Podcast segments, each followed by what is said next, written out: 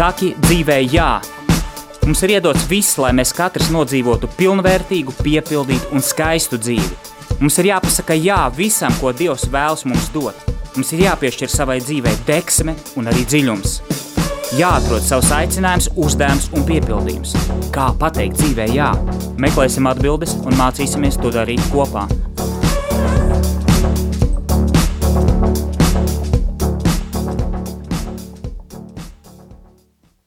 Sveicināti, darbie radioklausītāji! Nu, ko klāt ir otrdiena, nedēļas aprīļa mēnesis ir sācies, un um, mēs ar jums atkal tiekamies šajā raidījumā. Saki dzīvei, jā!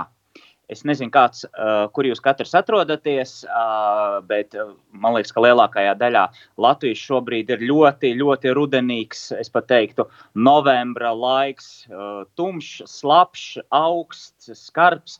Netipiski varbūt tās, kad gaidot pavasari, sas saskarties ar šādiem laikapstākļiem, bet es domāju, tas nedrīkstētu būt mums šķērslis teikt dzīvē jā, teikt jā vienam, viens otram atvērties, atvērties būt cilvēkiem, atvērties dievam, meklēt atbildes uz mums interesējušiem jautājumiem, mēģināt saprast savu dzīvi. Es domāju, laikapstākļi nav, nav tam šķērslis, un tāpēc es esmu ļoti pateicīgs, ka varu ar jums sarunāties. Un kā jau iepriekšējā radio raidījuma reizē es teicu, šī nav lekcija, šis nav kaut, kāds, pama, kā, kaut kādas pamācības, bet drīzāk gan tādi impulsi, bet vēl vienkāršāk sakot, tā ir mūsu saruna, mana saruna ar jums, dargo, dargie radioklausītāji. Šodien es neesmu viens. Man, protams, ir atbalsta komanda, un tā ir, tā ir Jolanta, kas, kas, kas, kas arī raidījumā tehniski atbalstīs un, un arī garīgi atbalstīs ar savām pārdomām, varbūt tās par tēmu mazliet runājot. Un došu mazliet vārdu jums, došu vārdu Jolantai. Viņa nosauks arī tālruņa numurus, uz kuriem jūs varat sazināties ar, ar kuriem jūs varat sazināties ar studiju. Ja jums rodas kādi, kādas pārdomas, runājot par mūsu tēmu, ja rodas varbūt tās kāds jautājums, tā kā lūdzu, Jolanta. Um, Tev vārds. Jā, sveicināti radio klausītāji, sveiks Egīla. E, paldies, ka ienes šajā e, tumšajā un pelēcīgajā dienā tādu enerģijas devu un dvesmu ar šo raidījumu Saki dzīvē, jā. Es ceru, ka tas mūs iedvesmos arī visai turpmākajai nedēļai uz tādu pacelājuma viļņa. Atgādinu, ka klausītāji var iesaistīties radio ēterā Un eh, viens no veidiem tas ir īziņas formāts, eh, kurš ir varbūt eh, kādiem ērtāks, tad noformulēt savu jautājumu var sūtīt uz numuru 266 77 272. Tātad 266 77 272. Vai arī tālrunis zvaniem studijā būs 67 969 131 vai e-pasts studija at rml LV. Jā, paldies, paldies um, Jolanta. Uh, jā, būsim, būsim, sarunāsimies, un šodien es gribu aicināt jūs aizdomāties par tādu, es teiktu, ļoti aktuālu tēmu. No vienas puses, varētu šķist pas, pašsaprotama, bet no otras puses, ļoti aktuāla tēma, par kuru es uh, kuru pārdomāju un izzinu uh, nu jā, pēdējās dienas, pēdējās nedēļas laikā. Tas ir jautājums par cilvēcību. Uh, cilvēcība kā tāda, kas tā tāda ir, un, un, un, un aicinu jūs šodien ar manīm pārdomāt šo jautājumu. Atzīšos, ka impulsus es arī iedvesmojos ņemt. Tie nav gluži nu, daļa ir manējās pārdomas, eh, secinājumi, bet impulsus es ņēmu no kāda pasniedzēja. Sava eh, tāds eh, Aleksandrs Filonenko ir Ukrāņu pasniedzējs. Kurš uh, vada publiskas lekcijas, viņš ir filozofs, viņš ir teologs. Es, priekš manis viņš ir viens no izcilākajiem mūsdienu skolotājiem. Tiešām kā pedagogs, kurš cilvēks, cilvēks kurš spēja uh, savas atziņas līdz uh, savam audzēknim aizvest tā, ka viņas iekšēji tev, tevī dzīvo un tevi transformē. Ja? Tāds Aleksandrs Filo, Filo, Filoņenko. Jūs varat arī YouTube paklausīties viņa, viņa lekcijas. Tās ļoti dažādas par dažādiem jautājumiem. Un šim raidījumam es smēlos impulsus, lai runātu ar jums tieši no viņa viena, viena no pēdējām sarunām, tādu interviju, kur viņš arī runā par cilvēcību, par situāciju Ukrajinā, jo viņš pats ir arī šobrīd Ukrajinā. Es mēģināju ar viņu sazināties, bet nu, es saprotu, ka tā situācija ir ir diezgan, diezgan uh, spriedzes pilna, kad uh, nu, nu, tas ir diezgan sarežģīti. Jā. Lūk, varbūt tāds viens no maniem sapņiem pie šī uzreiz atzīšos viņu kādu reizi uzaicināt uz Latviju, līdzīgi kā mans likumiskās līderības pasniedzējs Aleksandrs Havards bija Latvijā. Varbūt tas arī izdotos. Kādā miera laikos uzaicināt arī Aleksandru Filoņenko ar ļoti vērtīgām lekcijām pie mums Latvijā. Lūk, bet tā tad tēma mums ir cilvēcība. Kas ir cilvēcība? Kā jautājums jums, darbie klausītāji, varbūt pēc jūs varat rakstīt atbildes un kādā brīdī, mazliet vēlāk, raidījuma otrā pusē arī piezvanīt tiem, kam ir drosme vai ir vēlēšanās un pateikt savas domas, bet jautājums ir jums arī pārdomās, kā jūs saprotat cilvēcību kas priekš jums ir cilvēcība. Un, uh, jūs varat par to padomāt, kamēr es uh, izklāstu savus impulsus, savus pārdomas.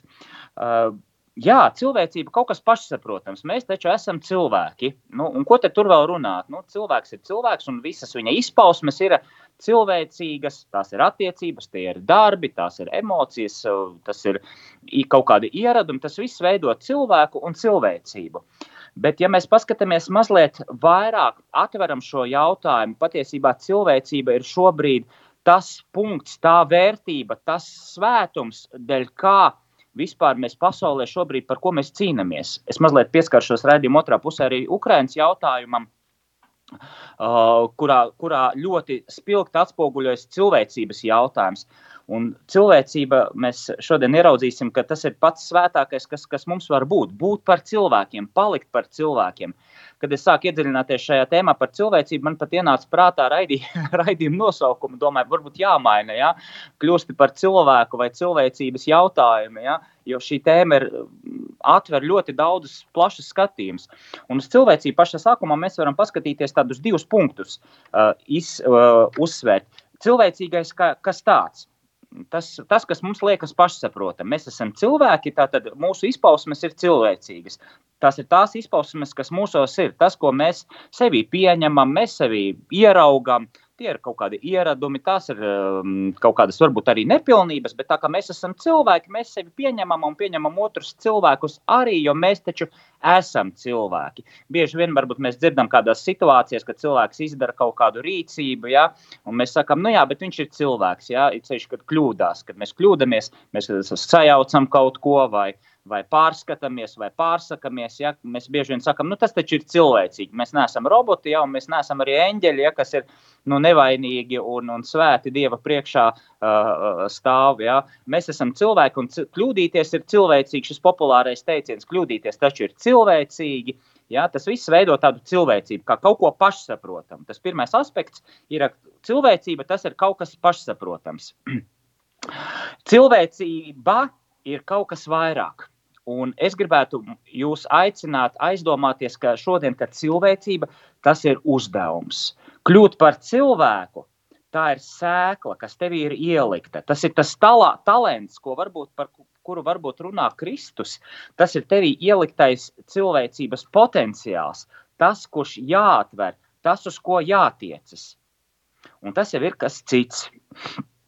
Cilvēcība ir tā, no kuras dzimst mūsu vērtības, mūsu tikumi, mūsu normas, uh, arī noteiku, noteikumi civilizācijai, arī likumdošanas avots ir cilvēcība. Izejot no cilvēcības, mēs veidojam savas vērtības, mēs veidojam sevi, mēs veidojam attiecības. Ja mēs būtu tikai cilvēki kā tādi, kuri kuri zina savas normas, zina savus uzdevumus, zina savus pienākumus. Tā būtu vienkārši nu, tāda mehāniska cilvēcība, bet es aicinu jūs aizdomāties šodien, ka cilvēcība tas ir mūsu uzdevums. Mūsu uzdevums ir kļūt par pilnvērtīgiem cilvēkiem, atvērt sevī cilvēcību. Un kas tas ir un, un, un, un, un, un kā to saprast? Ja?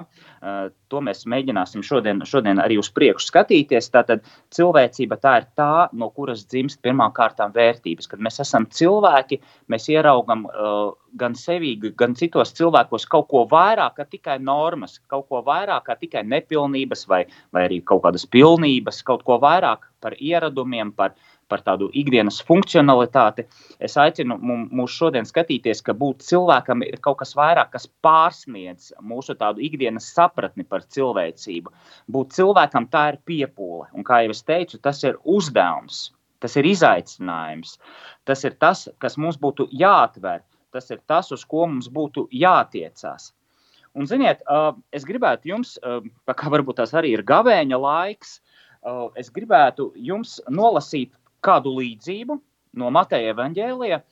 Mm, līdzība ir par, kur mēs varētu paskatīties uz cilvēcību, kā tos saka Kristus, ja, kā, kā, viņš, kā viņš ļoti neparastā veidā, kur mēs varam ieraudzīt šo cilvēcības aspektu. Un runa ir no Mateja evaņģēlijā par pēdējo tiesu. Lai vai cik dīvaini, bet, eh, bet eh, mēs mēģināsim paskatīties eh, uz cilvēcību pēdējās tiesas gaismā.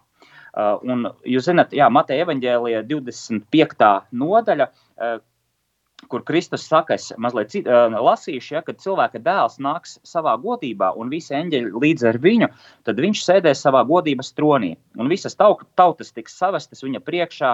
Viņš tās šķirs, kā gans nošķir avis no āžiem, un nostādīs avis sev pa labo roku, bet āžas pa kreiso. Tad ķēniņš sacīs tiem, kas pa labi. Jūs, mana tēva svētītie, nāciet, iemantojiet valstību, kas jums sagatavota kopš pasaules radīšanas Jo es biju izsalcis, un jūs devāt man ēst. Es biju izslāpis, un jūs devāt man dzert. Es biju svešinieks, un jūs mani uzņēmāt. Es biju kails, un jūs mani apģērbāt. Es biju slims, un jūs mani apraudzījāt. Es biju cietumā, un jūs nācāt pie manis. Tad taisnē viņam jautās: Kungs, kad mēs esam tevi redzējuši izsalkušu, un esam devuši tev ēst, vai izslāpuši un esam devuši dzert?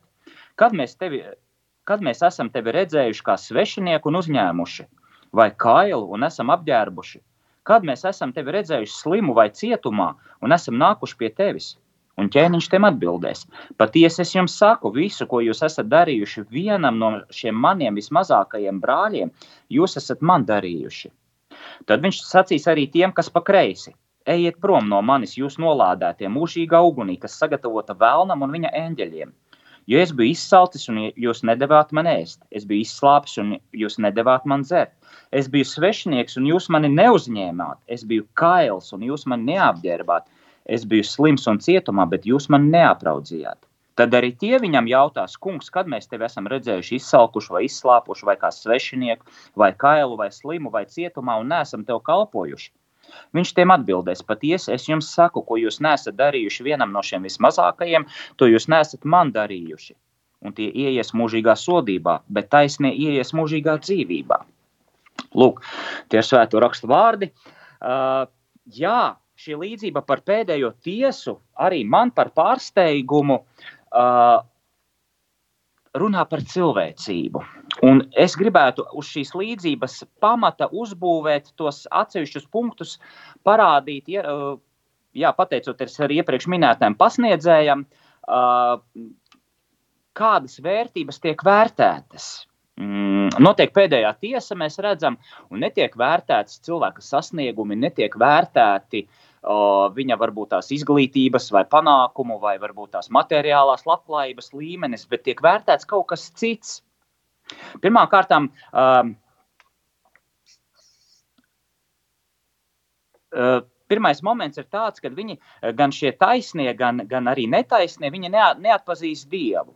Viņi neatpazīst Dievu, kad viņš pie viņiem ir nācis. Gan taisnīgi, gan, gan, gan arī tie, kas, nu, tur teikts, pa kreisi, jā, tiek nostādīti. Uh, Uh, un pats interesantākais tas, ka uh, mm, šis ķēniņš, jeb šis dieva simbols, uh, uh, ka viņam tas nav tik svarīgi, vai, viņi, uh, vai šie cilvēki ir viņu atpazinuši vai nav. Viņam ir kas svarīgāks, kaut kas cits. Uh, viņam ir svarīgi, uh, varbūt tas arī viņam nav svarīgi, vai Dievu kā tādu tiek atzīts, ka vai šis ķēniņš tiek atzīts vai nē, vai viņš tiek atpazīts vai nē. Viņam ir principiāli svarīgs viens cits, vai mēs bijām cilvēcīgi. Jautājums šajā līdzībā ir par cilvēcību. Neiet runa, vai mēs atpazinām Dievu uh, un viņam kalpojām, bet vai mēs visas savas dzīves laikā bijām cilvēki. Šajās līdzībās, šajā līdzībā ir parādīts, vai mēs bijām attiecībās pret citiem cilvēkiem. Tajā momentā, kad mēs ieraugam otru cilvēku, vai mēs viņā saskatām šo dievu, kuram mēs kalpojam. Un tā ir ļoti dziļa doma, kuru varbūt tās man tā neveikli sanāk, sanāk jums. Uh, uh, savu izpratni jums, jums uh, nodot, ja, bet, bet runa ir par to, vai mēs satiekam Dievu cilvēkos. Un, kad mēs satiekam Dievu cilvēkos, mēs, mēs atklājam savu cilvēcību. Vai varētu teikt otrādi, kad mēs kalpojam cilvēkiem, mēs kalpojam arī Dievam. Un, uh, tajā brīdī, kad mēs pabarojam izsalkušo, kad mēs uzņemam bēgli, kad mēs uh, apkopjam slimo, kad mēs darām šos žēlsirdības darbus, jeb tuvāk mīlestības darbus, mēs kalpojam, mēs pirmām kārtām kļūstam cilvēki. Ja, ja cilvēks var kļūt par cilvēku attiecībās ar otru, viņš nevar uh, kļūt par cilvēku šī vārda viscēlākajā nozīmē, tikai sēžot, meditējot, lasot skaistas grāmatas, bet mēs kļūstam par cilvēku, kalpojot, kalpojot otram cilvēkam. Un, kad mēs kalpojam otram cilvēkam, mēs atklājam, uh, mums ir iespēja atklāt, ieraudzīt arī dievu otrā cilvēkā. Un šī tiesa notiek tieši par šo jautājumu, vai mēs spējām, kal, spējam, kal, spējām kalpot otram cilvēkam, un caur šo kalpošanu, caur šo skatienu uz otru cilvēku, spējam ieraudzīt arī dievu šajā, šajā cilvēkā. Un, kā jūs redzat, šajā līdzībā tas tiek.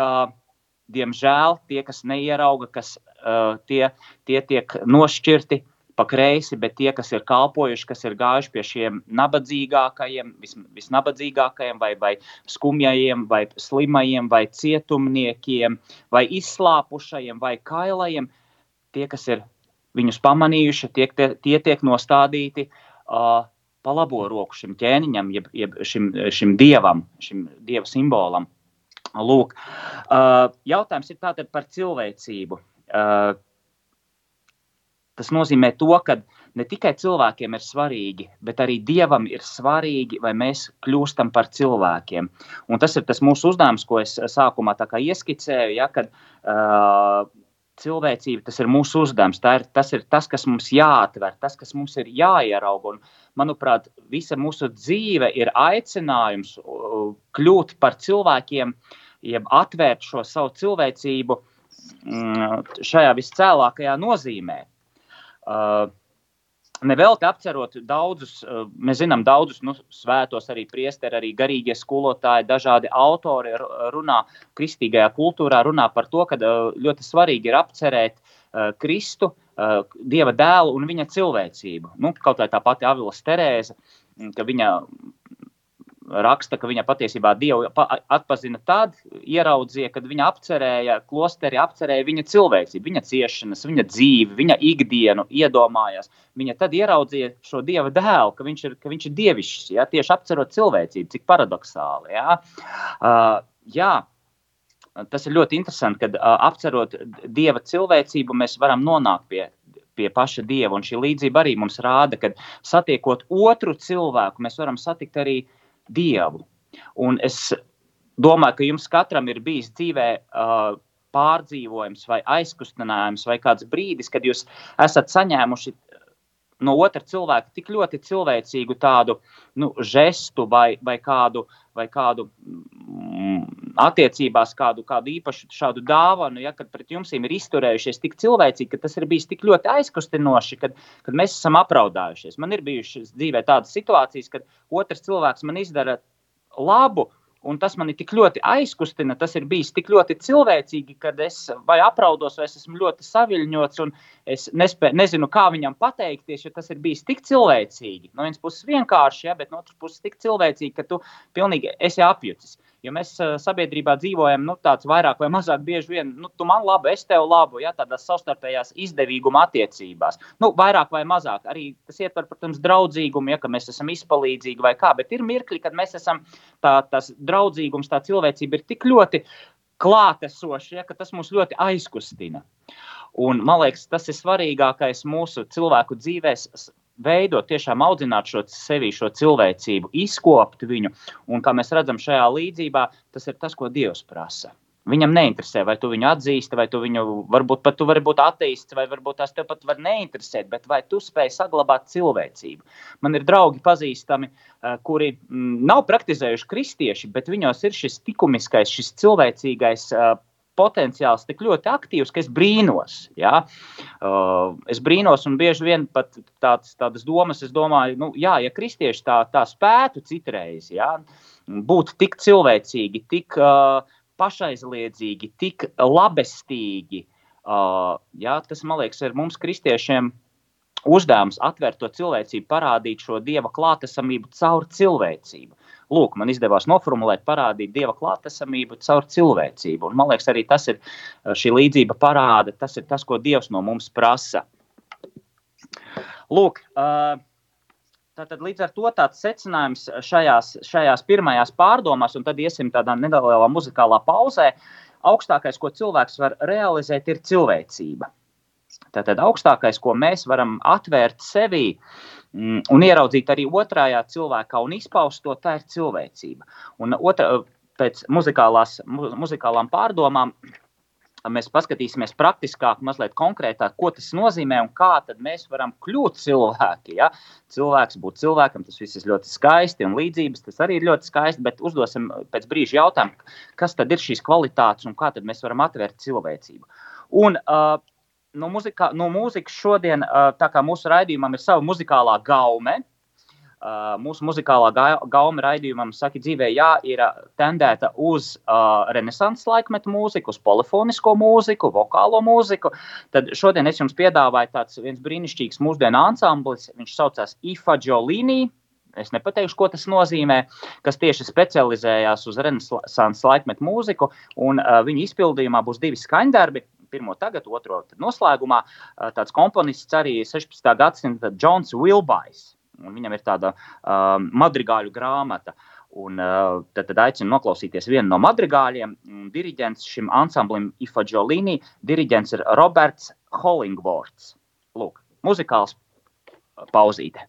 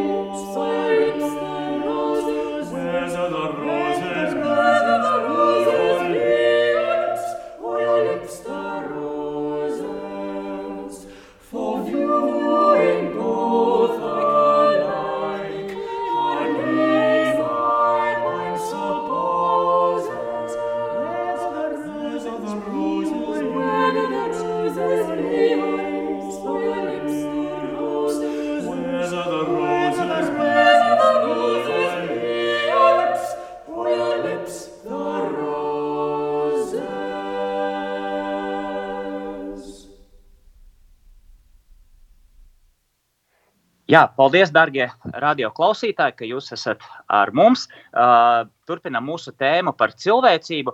Cik es saprotu, šobrīd studijā jautājumu nav, bet uh, Jolantai gan ir radušās pārdomas un, un arī laikam jautājums, tāpēc es dodu vārdu Jolantai. Jā, paldies, Egīla, ka iesāki šo tēmu, par kuru var tik daudz apdomāt un meditē, meditēt, kas un kāda ir cilvēcība, un tik tiešām tik daudz tie dažādi aspekti. Man arī pašu tā uzrunāja, ka tā cilvēcība ir tad, kad nu, tas dieva, tas dievišķais parādās mūsos, ka mēs esam tādi, nu, labestīgi un, un, un tā, tā labā griba, kas varbūt ir katram cilvēkam, kurš meklē to labo, skaisto un patieso, tad tā arī ir tā cilvēcība. Man personīgi rodas tādas pārdomas un jautājums arī reizē, kur ir tā robeža, kad mēs varam pateikt, šis ir necilvēcīgi, šī gan ir nu, necilvēcīga rīcība, vai kur tad sākas necilvēcība? Jā, paldies, paldies, lieliski, Jolanta, ka mums tāda saruna veidojās, un tāds ir raidījuma arī mērķis, vismaz tagad pēc pauzītes, kad mēs atsākām veidot sarunas. Jā, mēs bieži domājam, ka būt cilvēcīgam, nu, tas ir tā dabiski, nu, man nekas nav jādara. Kā es sākumā ieskicēju, es taču esmu cilvēks, jā, man, man īsti nav jāpiepūlās, es izpaužu sevi, kā es māku, nu, citreiz sanāk, citreiz nesanāk, citreiz esmu draudzīgāks, citreiz nedraudzīgāks, jā. Uh, Uh, nu, nekas nav jādara. Tā, tā ir mūsu cilvēciskā daba, kura ir ar mums vienmēr. Ja? Izrādās, ka tā tas nav. Pie cilvēcības ir jāstrādā. Un mēs to ieraugām, diemžēl, mēs diemžēl to ieraugām ciešanu priekšā. Kad ir pienāk viens moments, kad mēs zaudējam cilvēcību. Ikdienišķās situācijās uh, mēs kļūstam neiecietīgi, mēs uh, kļūstam nesavaldīgi, mēs kļūstam varbūt uh, jo cilvēcība, kur izpaužās? Ne jau pienākumu, pienākumu pildīšanā, Ja, citreiz ir cilvēki, kas pienākums pilda brīnišķīgi. Viņš uh, iekļaujās visos rāmjos, viņš ir punktuāls, viņš ir precīzs, viņš ir kārtīgs, ja, bet cilvēcība izpaužās attiecībās. Attiecības ir tās, kurās mēs varam šo cilvēcību parādīt. Jo kā tad savādāk mēs parādīsim cilvēcību? Ja tiešām nu, sēžot istabā, lasot skaistas grāmatas vai klausoties radio, nē, cilvēcība parādās tieši attiecībās. Attiecības ir tās, kurās mēs šo cilvēcību Mm, nu, tā, jā, tas ir mm, attiec, attiecības, ir cilvēcības skola. Un te mēs redzam, cik tālu mūsos cilvēcība ir attīstīta, eh, teiksim tā, audzināta, attīstīta ne, bet audzināta, veidota, saprasta, un cik tālu nē. Un tas ir izaicinājums katram cilvēkam. Katram cilvēkam. Uh, daudzi cilvēki domā, ka nu, es taču no, no jau no bērnības, no jaunības man ir labi, labas, labas iedzimtas manieres, jā, vai audzi, ieaudzinātas manieres. Es esmu lāga zēns, vai meitene varbūt domā, viņa taču ir kārtīga meitene, jā, tur stundas nebasto skolā, jā, darbā pienākumus pilda. Jā. Uh, diemžēl nepietiek, lai realizētu cilvēcību, nepietiek ar to, ka tu esi lāga zēns vai, vai kārtīga meitene. Un ciešanas vai pārbaudījumi, un vēl jau vairāk tieši attiecības ir tās, kas ir cilvēcības um, nu, eksaminētāji. eksaminētāji ja? un, diemžēl mēs to ieraugam ciešanu priekšā uh, 20. gadsimtā. 21. gadsimtā, 20. un 21. gadsimts ir vienkārši ciešanu, ciešanu skola, jo mēs redzam, šie divi gadsimti, kas otrais, šis otrais, kas tikko ir sācies, ja tā var teikt, ja, mēs, uh, mēs ieraugam, cik liels ir necilvēcības spēks. Mm, kari, ideoloģijas, uh, manipulācijas uh, ar cilvēku, ar cilvēka vērtību, ar identitāti. Tās visas šausmas, ko 20. gadsimts ir piedzīvojis, šie divi kari, šie režīmi, mēs tik, tikko burtiski pieminējām izsūtīšanu, kurš tas mats bija. Man, izskrēja no galvas, jā, 25. Jā, ja nekļūdos, ja, mēs pie, piedzīvojam šo necilvēcības laikmetu, un joprojām mēs piedzīvojam necilvēcības spēku, skatoties uz karu Ukrajinā. Ja, kas, ir, kas ir vienkārši ārprāts pēdējo dienu notikumi. Šis, šajā bučas, laikam tā pilsētiņa saucās. Ja, es skatījos ziņas, skatījos, lasīju, lasīju, lasīju internetā ziņas, un tur tie fotoattēli, tas ir vienkārši tev liek sarauties, liek sastingt no tā, cik cilvēks var būt necilvēcīgs. Un mēs nevaram, protams, atbildēt uz jautājumu, kur ir tā robeža, bet šī robeža pastāv. Un pats trakākais vēl ir tas, ka uh, mēs, man liekas, par to runājām arī iepriekšējā raidījumā. Uh, pats trakākais ir tas, ka mūsos visos ir šis necilvēcības arī spēks. Par to runā Jordans Petersons savā grāmatā, tie 12 dzīves likumi, ja, kad ir, mūsos arī ir haoss. Un kad šis haoss ņem virsroku, mēs esam paši pārsteigti nevis no tā, kādi citi var būt, bet kādi mēs paši varam palikt. Ja? Un, uh, jā, jā, uh, mēs spējam arī, tāpēc, tāpēc uh, es šodien runāju un pats šo jautājumu izzinu. Um, mēs, mēs saprotam to, ka būt par cilvēku, tas ir darbs, audzināt sevi cilvēcību, lai viņa būtu stipra, spēcīga, lai mēs būtu tiešām cilvēki un atrast vēl dievišķos gan sevi, gan otrajā cilvēkā. Tas ir liels darbs, tas ir visa mūža darbs. Tas nav vienkārši normatīvs. Es esmu cilvēks, līdz ar to man ir kaut kādas cilvēciskās kvalitātes, uz tām es balstos un, un pildu ikdienā, kā saka, es teicu, esmu lāga zēns, un ko jūs man piekasaties? Ne, ar to, diemžēl, nepietiek. Ar to, diemžēl, nepietiek, un to parāda 20. gadsimts. To parāda konflikti sabiedrībā, to parāda mūsu nespēja savstarpēji bieži vien vienoties dažādās struktūrās, kurās mēs esam iesaistīti.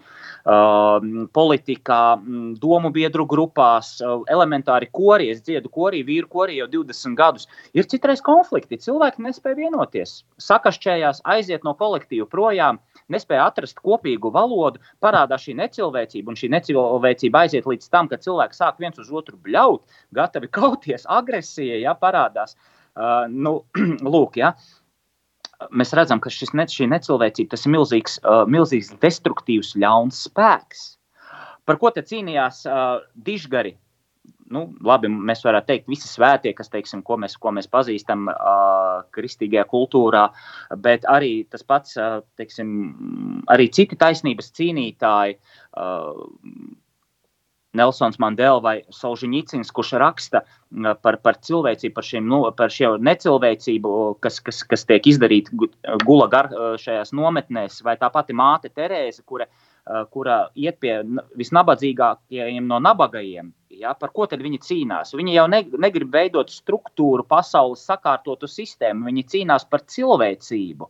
Šie visi dižgari, kuri sevi upurē, tāpat tās uh, ģenētikas tēvs Žeroms Ležēns, par ko viņš cīnās? Ne jau par medicīnas sasniegumiem. Uh, Bet viņš cīnās par cilvēka cieņu, par cilvēka tiesībām būt cilvēkam. Viņš mēģina parādīt cilvēcības, eh, cilvēcības eh, šo svētumu, ja tā, nu, tā, tā, tā to mēs varētu arī teikt. Tā tas arī ir. Alberts Šveicers, kurš pamet savu karjeru un aizbrauc uz Āfrikas visnabadzīgākajām valstīm, valstīm apkopt bērnus, rūpēties par bērniem, izglītot bērnus. Ja, par ko viņš, ko viņš izvēlās? Viņš izvēlās cilvēcību, jo viņš saredz, ka tie taču ir cilvēki un viņos ir šis dievišķais uh, cilvēcības, uh, gan dievišķais, gan cilvēcības potenciāls, ir šis svētums. Ja? Tas nozīmē, to ar šo es gribu pateikt, ka um, jā, mēs šobrīd sastopamies ar necilvēcības praksēm, bet mums ir jāliek pretī cilvēcības prakses. Mūsos vēl jau vairāk ir ir uh, jāļauj uzplaukt, jāaudzina, nevis jāļauj uzplaukt pats par sevi. Nekas, diemžēl, neuzplauks. Mēs to redzam. Ja mēs būsim pasīvi, ja, uh, sabiedrība pasaule nekļūs labāka, jo tie cilvēki, kuri nes arī ševi, sevi šo necilvēcības potenciālu, vienā brīdī šis necilvēcības potenciāls var ņemt virsroku. Līdz ar to mums jābūt par atbalstu. Es jau runāju, nezinu, varbūt tā kā tāds ideologs vai politiķis, ja, kas mums jādara, ja, bet uh, nu, tas ir tas, teiksim, pirmkārt, izaicinājums arī man Es par sevi varu to teikt. Ja? Arī man ir jāaudzina sevi cilvēcību, lai runājot raidījumā par šīm vērtībām, lai arī es būtu piemērs tam, par ko es runāju. Un tas ir jebkurā struktūrā, jebkurā, jebkurā amatā, kur mēs pārstāvam vērtības. Ja? Un, un uz kāda cita mums balstīt mūsu sabiedrību tikai uz, uz garīgajām vērtībām. Lūk, tā, tātad tam ir vajadzīgs liels darbs liels darbs, lai pretnosacītu necilvēcībai, lai stātos pretī necilvēcībai. Un mēs, diemžēl, nonākam pie Ukrainas eh, jautājuma. Es neesmu, neesmu ne politiķis, ne eksperts uh, tajā visā, kas notiek. Man nav pat, patiesībā cilvēku, šo briesmīgo cilvēku ciešanu priekšā man būtu jā, nu, es teiktu, es nolieku galvu un lūdzos. Jā, izmisumā lūdzos, Dievs apskaidro un apžēlojies un, un, un, un, un, un atpestī. Jā. Bet, ja runājam par cilvēcību, tad um, par ko ir karš Ukrainā? Karš nav par uh, cīņa, nav par taisnību. Kaut gan kuram, kuram ir taisnība, kuram nav taisnība. Uh, cīņa nav, karš nav par identitāti, vai par teritoriju, vai, vai par principiem. Cīņa ir par cilvēka svētumu. Uh, jo te mēs redzam, kur uh, saskarās divas, divas, divas dažādas, da, divi dažādi šie vērtību pasaules, ja? necilvēcība un cilvēcība. Katrs, katru tautu veido, katra, katras tautas svētumu veido tās vērtības. Un mēs redzam, ka Ukraina šobrīd cīnās par savām vērtībām, par savu cilvēcības, par savu cilvēcību un par savu katra cilvēka svētumu. Un te mēs esam pārsteigti, mēs redzam, kāds ir viņu prezidents. Cik ļoti, es domāju, man šodien tā gatavoties raidījumam, ienāca prātā interesanti uh, Zaļinska kungu, uh, prezidents Zaļinski kanonizēs par svēto vai nē, ja? jo viņš jau ir pelnījis to. Viņš parāda maksimālo savu cilvēcības potenciālu. Viņa cilvēcība šajo, šo briesmīgo ciešanu priekšā uzplaukst. Un viņš ir pirmais piemērs gan likumiskajā līderībā, šobrīd, priekš manis, ja, gan cilvēcības svētuma priekšā, viņš ir pirmais piemērs, no kura mēs varam mācīties, ko nozīmē pašaizliecība, cilvēcība, spēja kalpot otram, kā viņš iet uz slimnīcām, kā viņš apmeklē bombardētās pilsētas, kā viņš. Uh, uh, tiekās ar bērniem, ja, tie video, video, visi tie materiāli, kas mums ir pieejami. Ja, un tajā pašā laikā mēs redzam absolūtu propagandu, kas notiek Krievijā. Ja. Labi, es par politiku tiešām nav, tas nav raidījums par politiku, ja, bet, bet raidījums ir par to, kā. Uh, kā ieraudzīt šo cilvēcību, tad Ukraiņas karš ir piemērs tām, kā būt par cilvēkiem. Katra man Ukrainā tiešām ir gan pasniedzēji, gan draugi. Es uh, cenšos ar viņiem sazināties. Uh, tas ir diezgan sarežģīti, jo tā spriedze ir tik liela, kad, uh, kad, kad nu, viņiem nav tam laika. Ja, nav, um, tas pats Aleksandrs Filoņēnko, viņš intervijā tajā pēdējā, ko es klausījos, viņš saka, jā, viņš saka, ka katru dienu viņš saņem vairākus desmitus, pat pie simts, simts izziņām, ziņām, ja kā tev iet, kur tu esi, kas ar tevi, Kā, kāda jums tā situācija? Ja? Viņš saka, tu nogursti no tā. Un tāpēc, ja kādam ir draugi Ukrajinā, ja, nu, protams, ģimenes locekļi tas savādāk, ja, tad, nu, ja viņi neatbild, tad es, es aicinu saprast, ka cilvēki arī nogurst no tā, ka viņi mobilizē sevi, lai izdzīvotu, lai pasargātu. Ja? Bet atgriežoties pie cilvēcības, tā tad cīņa ir par cilvēka svētumu. Un, uh, uh, Eiropa, Latvija šobrīd guļ šajā jautājumā. Mēs la, cilvēcības jautājumā šobrīd guļam. Mums ir ērti, mēs peldam, mēs tikko, tikko mēs kaut kā tikām ar to covid, tikām vai netikām galā. Es tā arī neesmu sapratis. Divus gadus mums tur, mums tur ielika rāmī, jā, maskas. Viss šobrīd jau var skriet un neko nevajag nevienam kvadrātiņus rādīt un lupatiņus uz sejas nevajag likt. Jā. Mēs esam tādā tomēr komforta zonā. O, nezinu, vai kas būtu vajadzīgs, lai mēs pamostos Latvijā kā, kā, kā, kā nācija, kur iestājas par savām cilvēciskajām vērtībām, par savu cilvēku identitāti, par, saviem, par savām ģimenēm. Jā, es abrīnoju un, un arī atbalstu. Šobrīd tiek vākti šie paraksti par ģimenes jēdzienu nostiprināšanas atversmē, kas ir tāda aicinājums uz cīņu, ja, jo ģimene ir tā, kas veidos Latvijas nākotni. Un šie vīri, šī vīru biedrība un kustība par, par, par dabisku ģimeni, ja, viņi ir cīnītāji. Tie ir varbūt viens no bastioniem, kas neguļ. Ja? Bet mēs esam vērtībās. Eiropa arī šobrīd guļ. Eiropa ar izbrīnu skatās. Eiropa visus pēdējos gadsimtus ir dzīvojusi ērtībās un komfortā. Viņa ar izbrīnu skatās, wow, kā Ukraina cīnās par cilvēcību. Un tāds joks jau kā anekdote bija, kad Eiropa, nevis uh, Ukraina grib iestāties Eiropā, bet Eiropa šobrīd skatās, kā iestāties Ukrainā. Ja? Tas tā, tāds joks, bet tajā jokā ir tāda patiesība, jo, jo visa Eiropa ierauga to, ko viņa ir aizmirsusi. To, kas uh, bija šūpulis uh, Eiropas civilizācijas sākumā, tās ir vērtības, tā ir likumība, tie ir augstākie, tā ir augstsirdība, cēlsirdība, spēja kalpot, tā ir cilvēcības augstākie. Augstākās tādas jā, vērtības, ja, par ko Ukraiņa šobrīd cīnās. Un Ukraiņa šobrīd parāda, pa, parāda mums, ko nozīmē būt cilvēkiem. Ja, un ka katras tautas svētumu veido tās vērtības, un tie ir cilvēki. Un karš nav tikai par ļaunumu, karš ir par cilvēka svētumu. Un svētums uh, ir tas, kas šobrīd ir cilvēcība. Cilvēcība mūs padara par svētiem. Es uzdrīkstēšos tā teikt, varbūt kāds teologs Luņš zvanīs un teiks, ka es tur kaut ko nepareizi sakārtoju, ja? bet cilvēcība mūs noved pie svētuma. Arī apcerot Kristus dzīvi, viņa cilvēcību, mēs varam nonākt pie svētuma.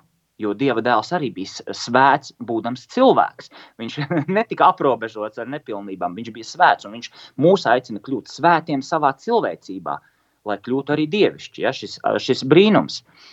Šis brīnums, jā, lūk, un mm, kā tad Jolantas, Jolantas jautājums, ja tad kā tad mēs varam sevī šo cilvēcību varbūt tās, um, nu, tā kā, ja tā var teikt, audzināt, vingrināties, ja, un te mums jāatgriežas pie vecajiem, labajiem tikumiem. tikuma izkopšana sevī. Un kas tad ir? Par to es esmu daudz runājis. Gan likumiskā raidījums mums ir bijis par likumisko līderību, gan jau es vēl atkārtošos, būs vēl, gan, gan, gan um, savā uzrunās, tādās nu, tā lekcijās, ja, ko es tur mēģinu organizēt. Ja. Gan, gan pie, ar jauniešiem tiekoties, ja, tad, tad tik, tikumi ir tie, kas mūs veido par cilvēkiem. Tas ir mūsu antropoloģiskais pamats. Ja, ja mēs no tā atraujamies, mēs nezinām, kas ir cilvēks, kas veido cilvēku un kas ir tikumi. Ja, tad, tad visas cilvēka prāta gribas un sirds labākās īpašības. Tā ir apdomība, tā ir drosme, tā ir pašaizliedzība, tā ir izturība, tā ir cēlsirdība. Tā ir, tā ir, tā, tas ir taisnīgums. Tā ir savaldība, spēja valdīt par savu sirdi. Visas šīs mūsu rakstura kvalitātes mūs veido par cilvēkiem. Un te mums ir jāatgriežas. Kāds jau var bļaut, ja, ka nu, tikumi tas kaut kas tāds, bet mēs Eiropu šobrīd parādām Eh, redz, ka viņa to ir zaudējusi. Un, savukārt, savukārt Ukraina parāda to, ka viņa ir likumiska valsts. Ja?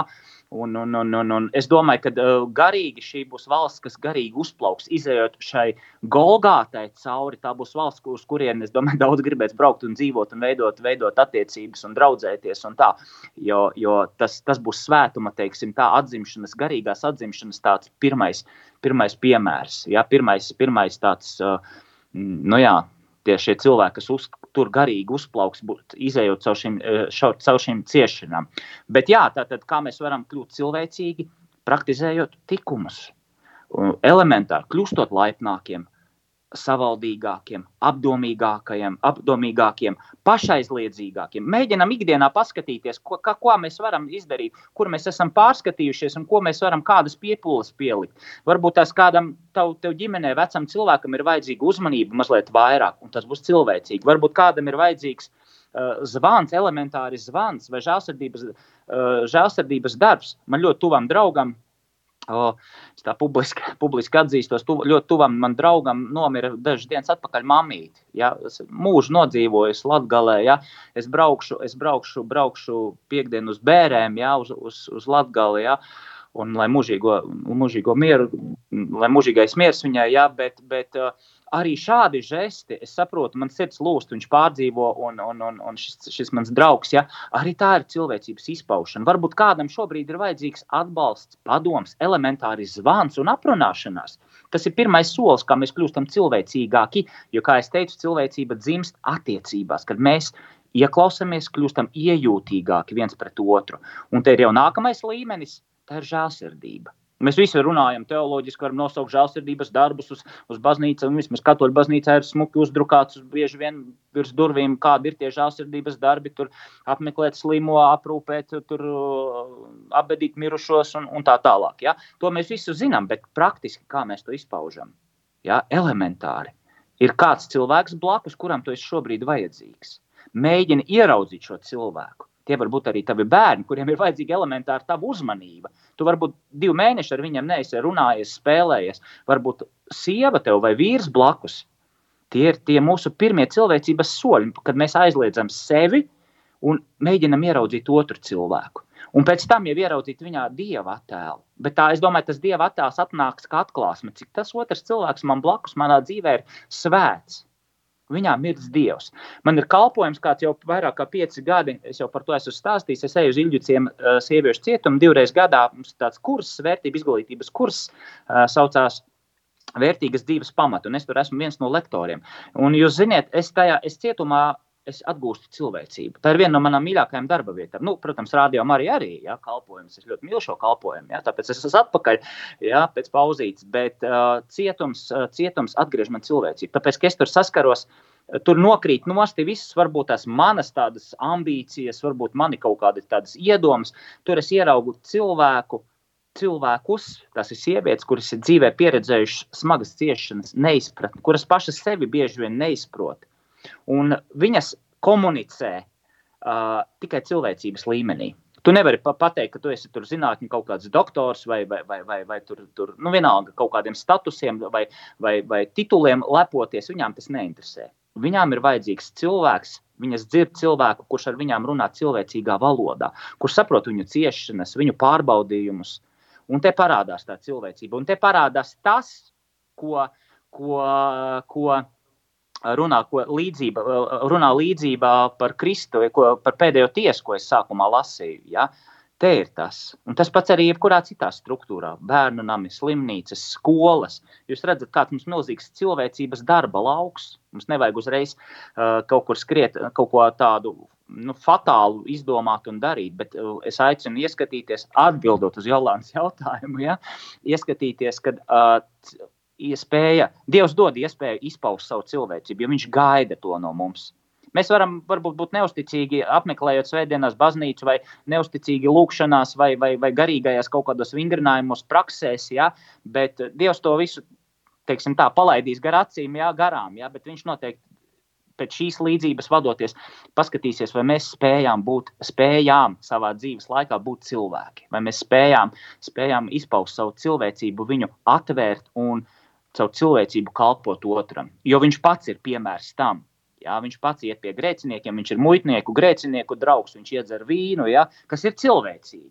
Jūs esat ar Kristu dzēruši tēju. Varbūt esat, varbūt neesat. Bet iedomājieties, ka kādu dienu jūs istabā ienāk jēzus un jūs ar viņu dzerat tēju. Nevis runājot par, par eņģeļu, tur kaut kādu kosmoloģiskām uzbūvēm, vai vēl nezinu, ko apcerat, ja? bet elementāri aprunāties ar Dieva dēlu, kā ar cilvēku. Un jūs redzēsiet, šādā meditācijā, pārdomās, jūs ieraudzīsiet, ka tas būt arī kopā ar Dievu ir ļoti cilvēcīgi. Tam nevajag uzreiz, tas nenozīmē uzreiz iet uz klosteri, vai nenozīmē uzreiz uh, sevi mērdēt nenormālās askēzēs. Ja? Mm, gabeņa laikā, ko, kas mums, no mums tiek prasīts? Sevis mērdēšana, noslēgšanās, aizbraukšana uz kalniem? Nē, cilvēcība un žēlsirdības darbi. Lūk, lūk, ja? lūk visas, teiksim, kristīgās, garīgās dzīves tāds esence. Ja? Lūk, tā, mīļie draugi, raidījums mums tuvojas uz beigām. Vēl kā pēdējo es gribētu pieminēt kādu literāro darbu, kas arī parāda, parāda cilvēcības tādu mm, izaugsmi, cilvēcības izaugsme, un tas ir uh, romāns visiem zināmais uh, Viktora Igo romāns Nožēlojamie. Es teikšu godīgi, ka šīs divas biezās, katra pa 600 vairāk lapusēm, biezās grāmatas es neesmu izlasījis, bet, bet uh, es esmu ļoti daudz kinematogrāfiskos darbus skatījies, proti, filmas, seriālus. Tas ir viens no maniem mīļākajiem romāniem, viens no. Ja, uh, nožēlojamie, jo tajā mēs redzam, kā cilvēks, katordznieks, noziedznieks kļūst par cilvēku. Tas ir cilvē, cilvēcības evolūcijas tāds, tāds brīnišķīgs darbs, kurā mēs to ieraugam. Un pirmo cilvēcības momentu, ja jūs atceraties, kas ir pazīstams ar šo romānu, kurā brīdī piedzīvo uh, Žants Valžāns, uh, galvenais Žaks Žants Valžāns, ja pareizi viņu sauc, ja, kurā brīdī viņš piedzīvo, piedzīvo pirmo cilvēcības tādu pieredzi, kad viņš tiek pats ir šokēts. Atcerieties, viņš aizmuka no cietuma, un viņš ies, uh, ieskrien baznīcā un ierauga tur sudraba svečturus. Un viņš šo svečturus nozog, lai viņus pārdotu, nu, lai pārdotu, lai dabūtu maizi par to naudu un tā tālāk. Bet viņu tomēr pieķer šī policija, jeb žandarmi, un, uh, un atved pie baznīcas pie, pie priesta, pie prāvesta, jā, pie prāvesta atved pie, pie baznīcas, tās baznīcas konkrētās baznīcas vadītāja, atved un, un, un, un šis priesteris saka, jā, viss ir kārtībā, es zinu, ka viņš ņēma, es pats viņam atdevu šos svečturus, lai viņš pārdotu, bet viņš vēl aizmirsa reku vēl vienu, un visi ir šokā. Žaks un uh, Valžāns ir šokā, jā, un policisti arī ir šokā, jo šis priesteris viņu nenodod. Viņš uh, parāda cilvēcības žestu Viņš viņu saprot, viņš redz, kādā situācijā ir šis noziedznieks, kurš mūk, kurš izmisumā, lai, lai, lai sevi pabarotu zog. Ja? Mēs varētu teikt, jā, noziedznieks viņš uzreiz ir taisnīgi jāsoda, bet ir kaut kas vairāk par taisnīgumu. Tā ir žēlsirdība. Žēlsirdība pārsniedz taisnīgumu izpratni. Nu, tā ir atsevišķa tēma, ko varētu vēl stundu te runāt. Ja? Bet mēs pieredzam šo cilvēcību, cilvēcības augstākā forma. E, es to sapratis, manā mūža viena no atziņām ir cilvēcības augstākā forma, tā ir žēlsirdība. Un šis uh, priesteris parāda šo žēlsirdību, viņš piedod, un uh, galvenais varonis ir šokā. Un tālāk ir attīstās viņa ceļš uz cilvēcību, un, un, noslēguma stāsta noslēguma beigās viņš uh, tur ir viņa meita, viņa, viņam mm, arī mazmeita, jā, un, un, un viņš patiesībā kļūst par svēto, jo viņš visu dzīvi caur ciešanām viņš uh, meklē uh, cilvēcību, un, un savukārt tas inspektors, žer, kā viņam bija mm, Žerēna. Es piedodiet, es, es, es precīzi neatceros jā, vārdi pinās. Uh, viņš atkal savukārt nevar saprast, kā cilvēks var būt cilvēcīgs. Ja? Viņš, viņa, viņa sirds nesajūt šo cilvēcību. Lūk, tā kā aicinu, darbie radioklausītāji, būt atvērti sevī cilvēcību. Starp citu, maza, maza tāda reklāmiņa vai uzaicinājums. Es uh, ceturtdien plānoju tiešsaistes lekciju, kur es runāšu par sirds audzināšanu un par cilvēcību. Mazliet vairāk, divas stundas, uh, divās daļās, uh, ko nozīmē būt cilvēkam, kā, kas ir sirds, sirds izpratne, sirds audzināšana. Uh, un otrā daļa būs tieši par cilvēcību, kuras arī šos jautājumus uh, izvērsīšu. Tie, kas seko man līdzi sociālos tīklos, uh, šovakar vai rīt no rīta jau būs izlikta informācija. Ja kādam interesē, var personīgi man uzrakstīt. Bezmaksas, bezmaksas saruna, atkal saruna no manis par cilvēcību Zoomā. Ja? Zoomā atsūtīšu linku, uzrakstiet man personīgi, mm, jebkurā sociālā tīklā, vai arī mans e-pasts ir egils purvins, vārds uzvārds, at gmail.com. Tā kā turpināsim šo sarunu ceturtdien. Lūk, mīļie draugi, paldies! Es mazliet šķiet arī aizrāvos, un ja mums salā, sanāk, ja Jolanta atļaus laika ziņā, es nezinu, ja skaties, skaties, skatāmies, mēs varam vēl vienu brīnišķīgu renesanses laikmeta skaņdarbu noklausīties. Ja nē, tad, tad mums ir nākošie raidījumi un novēl jums skaistu dienu. Uh, sazinamies un turpinam eh, sarunāties, sarunāties jau nākošajos raidījumos, vai, vai sarunāties, ja kādam ir kādi personīgi komentāri, domas, varat droši ar mani, mani arī draudzībai. Es saku jā. Ja? Paldies jums! Skaistu dienu! Jā, paldies arī tev, Egīla, par šīm pārdomām, kuras mūs mudināja pār, pārdomāt sevi gan dievišķo, gan arī to e, nedievišķo, jeb to, kas mūs e, ne, nepadara par cilvēkiem, un tad es domāju, ka mēs varam noklausīties beigās arī skaisto skaņdarbu, un jā, šeit pie radio pults biju es, Jolanta Grāvīta. Lai skaista pēcpusdiena.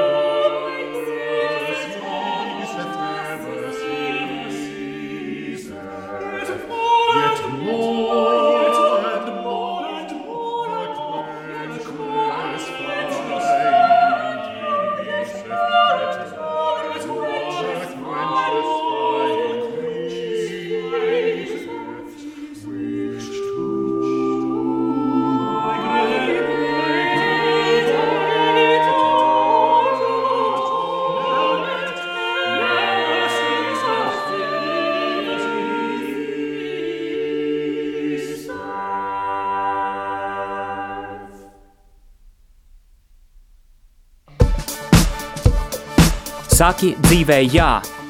Mums ir iedots viss, lai mēs katrs nodzīvotu pilnvērtīgu, piepildītu un skaistu dzīvi. Mums ir jāpasaka jā visam, ko Dievs vēlas mums dot.